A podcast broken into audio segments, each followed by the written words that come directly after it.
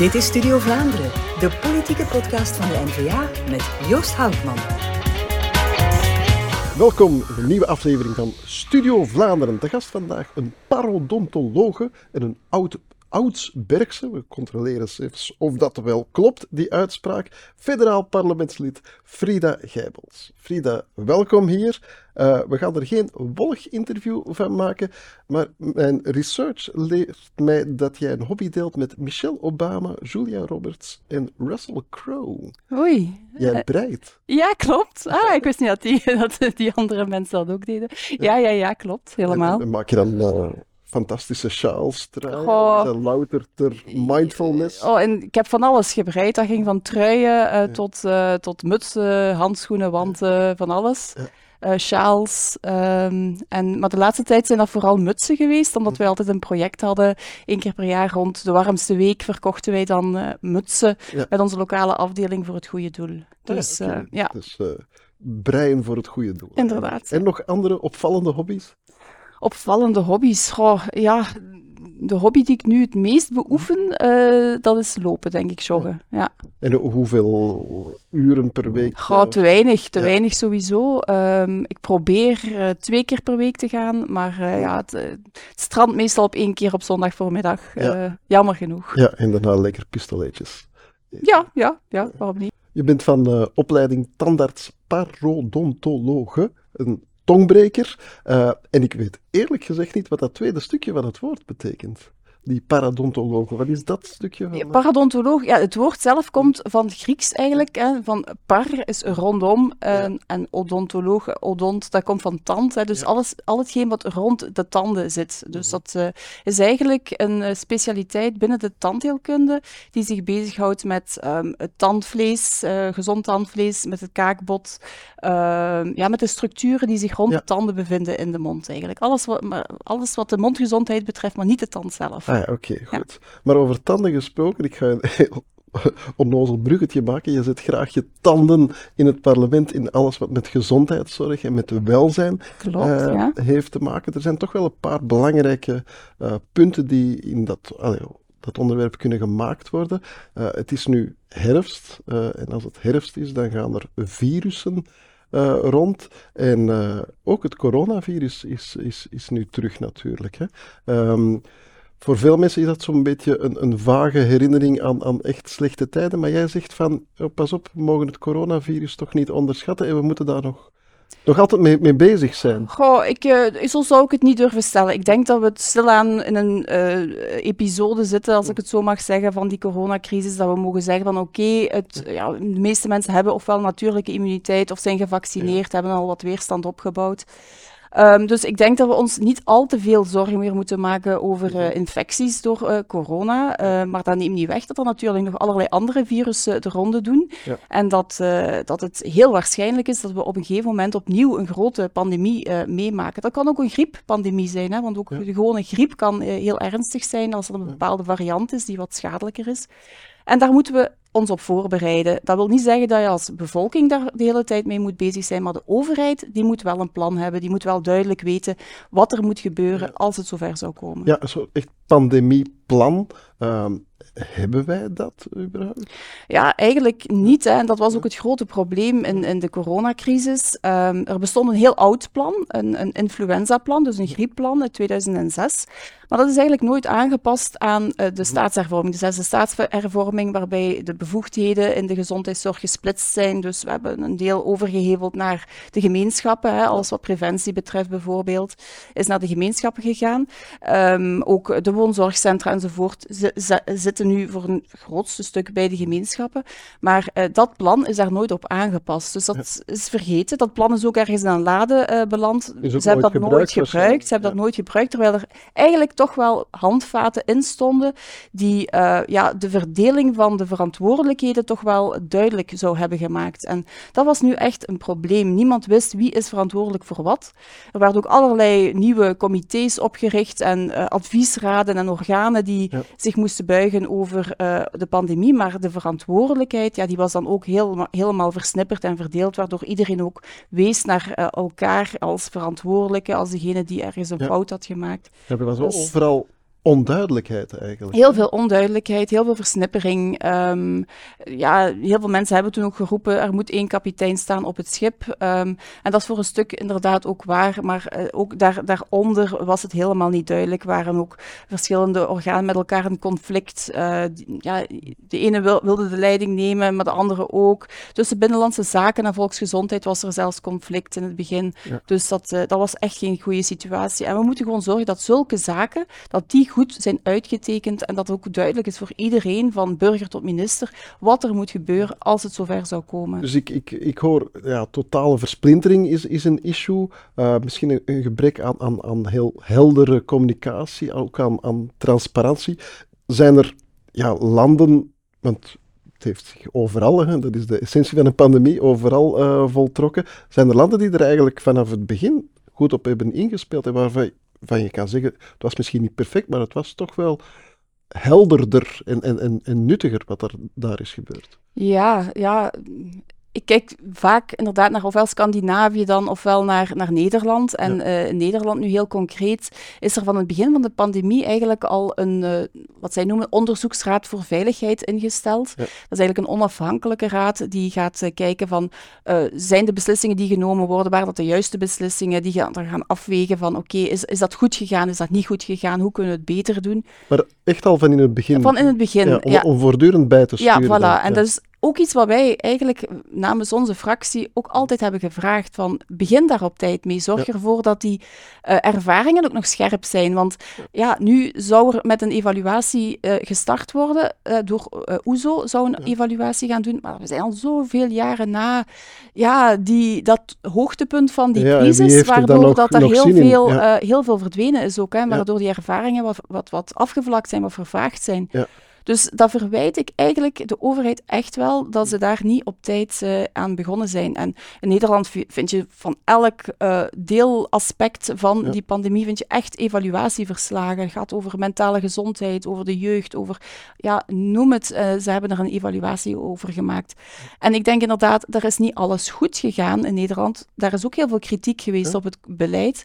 Maar tenminste is er naar gekeken van hoe is het uh, in zijn werk gegaan? Ja, je communiceert transparant naar je bevolking voilà, van oké, okay, uh, dit is misschien misgegaan, uh, we sturen bij, maar ja. de burger kan dan volgen. Die transparantie vind ik ook heel belangrijk, want je wilt ook het vertrouwen hebben van de burger. En hoe groter het wantrouwen is van een burger naar de overheid toe, hoe moeilijker het is om een, om een pandemie te gaan beheersen. Want ja. ja. je moet er wel op rekenen dat burgers de adviezen gaan navolgen. En als er dan veel wantrouwen is en, en het is niet transparant en het is niet duidelijk waarom bepaalde beslissingen worden genomen, ja, ja dan, dan uh, ga je die burgers niet achter u kunnen scharen. En, uh, nee, je moet het draagvlak echt. Ja, ja inderdaad, creëren. je moet daaraan werken. En, en, en dat moet echt top of mind zijn om daar volledig transparant over te communiceren. Ook als dat moeilijke beslissingen zijn. Hè. Je moet gewoon zeggen van kijk, daarom zijn ze nodig. We gaan ze evalueren na zoveel tijd. Zijn ze niet meer nodig of bleken ze niet nuttig? Oké, okay, dan gaan we, daar, gaan we daar niet meer naar teruggrijpen. En al die zaken, ja, dat wordt nu allemaal zo blauw-blauw gelaten. Daar wordt eigenlijk niet meer goed ja. naar uh, teruggekeken. Ja, en men dat, parkeert het eventjes ja, weg ja, natuurlijk. Inderdaad. Ja, en is men daar eigenlijk mee, mee, mee bezig? Of, of heeft men zoiets van... Of men is daar blijkbaar mee bezig, maar ik heb... Uh, ja, we zijn nu bijna vier jaar hè, na het uitbreken, uitbreken van, uh, van de coronapandemie. Ja, um, 19 en Ja, het is dat. Dus dat is... einde 19 is dat opgedoken. We zijn nu einde 23 al bijna. Dus we zijn al echt wel een heel pak verder en er ligt nog niks op tafel. En dat vind ik wel verontrustend. Ja. Want uh, je hoort toch dat er ook andere virussen de ronde doen die waarschijnlijk, heel waarschijnlijk niet tot een pandemie ja. zullen leiden, maar op een gegeven moment gaat het wel weer zo zijn. Daar kunnen ja, we zeker begint van zijn. ook een beetje lacherig over COVID. Hè? Ja, ja, inderdaad. En je ziet, het heeft toch wel uh, ja, heel wat impact gehad. Het, het, men is er nog, men voelt de sense of urgency niet? Of? Ik, uh, ik, ik weet het niet goed. Hm. Ik, ik weet eigenlijk niet goed waar dat uh, het precies uh, schort. Um, ik heb ja, elke keer als ik minister Van den Broeke erover ondervraag, dan zegt hij ja, het komt eraan, we zijn ermee bezig. Maar ik vind dat het wel tijd is dat er op zijn minst een update van dat plan van 2006 ja. zou komen. Dat lijkt mij niet moeilijk. Ja, daar, dat updaten. Ja, en dat men leert uit de fouten die gemaakt ja, zijn. Ja, voilà, inderdaad. Een goede evaluatie is ook nog altijd niet gebeurd hè, van, ja. van de aanpak die er tot nu toe geweest is. Ja, ja.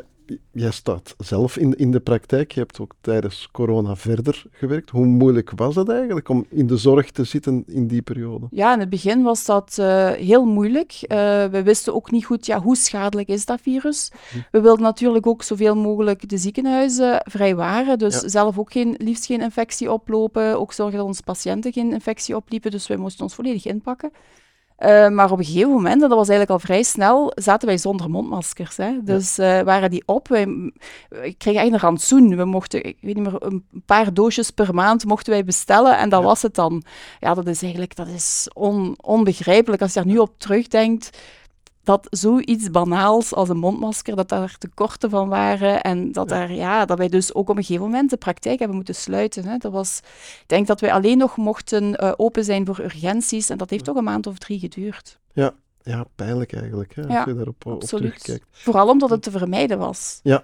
Uh, zijn er zo nog andere onderwerpen waar je zegt van, van daar kijk ik toch echt heel nauwgezet naar. Hè. Je hebt nu het pandemieplan, het influenzaplan, en je zegt van, hè, daar ga ik toch op, mij op toeleggen om op dat nageltje te blijven kloppen. Zijn er nog andere gezondheidsissues waar jij zegt van, ja, de, die dragen mijn interesse toch wel? Ja, ik vind dat we veel meer moeten inzetten op preventie, maar dat, ja, daar, daar zit je al direct op, uh, um, ja, op het terrein van de bevoegdheidsverdeling ook weer. Hè. Ja.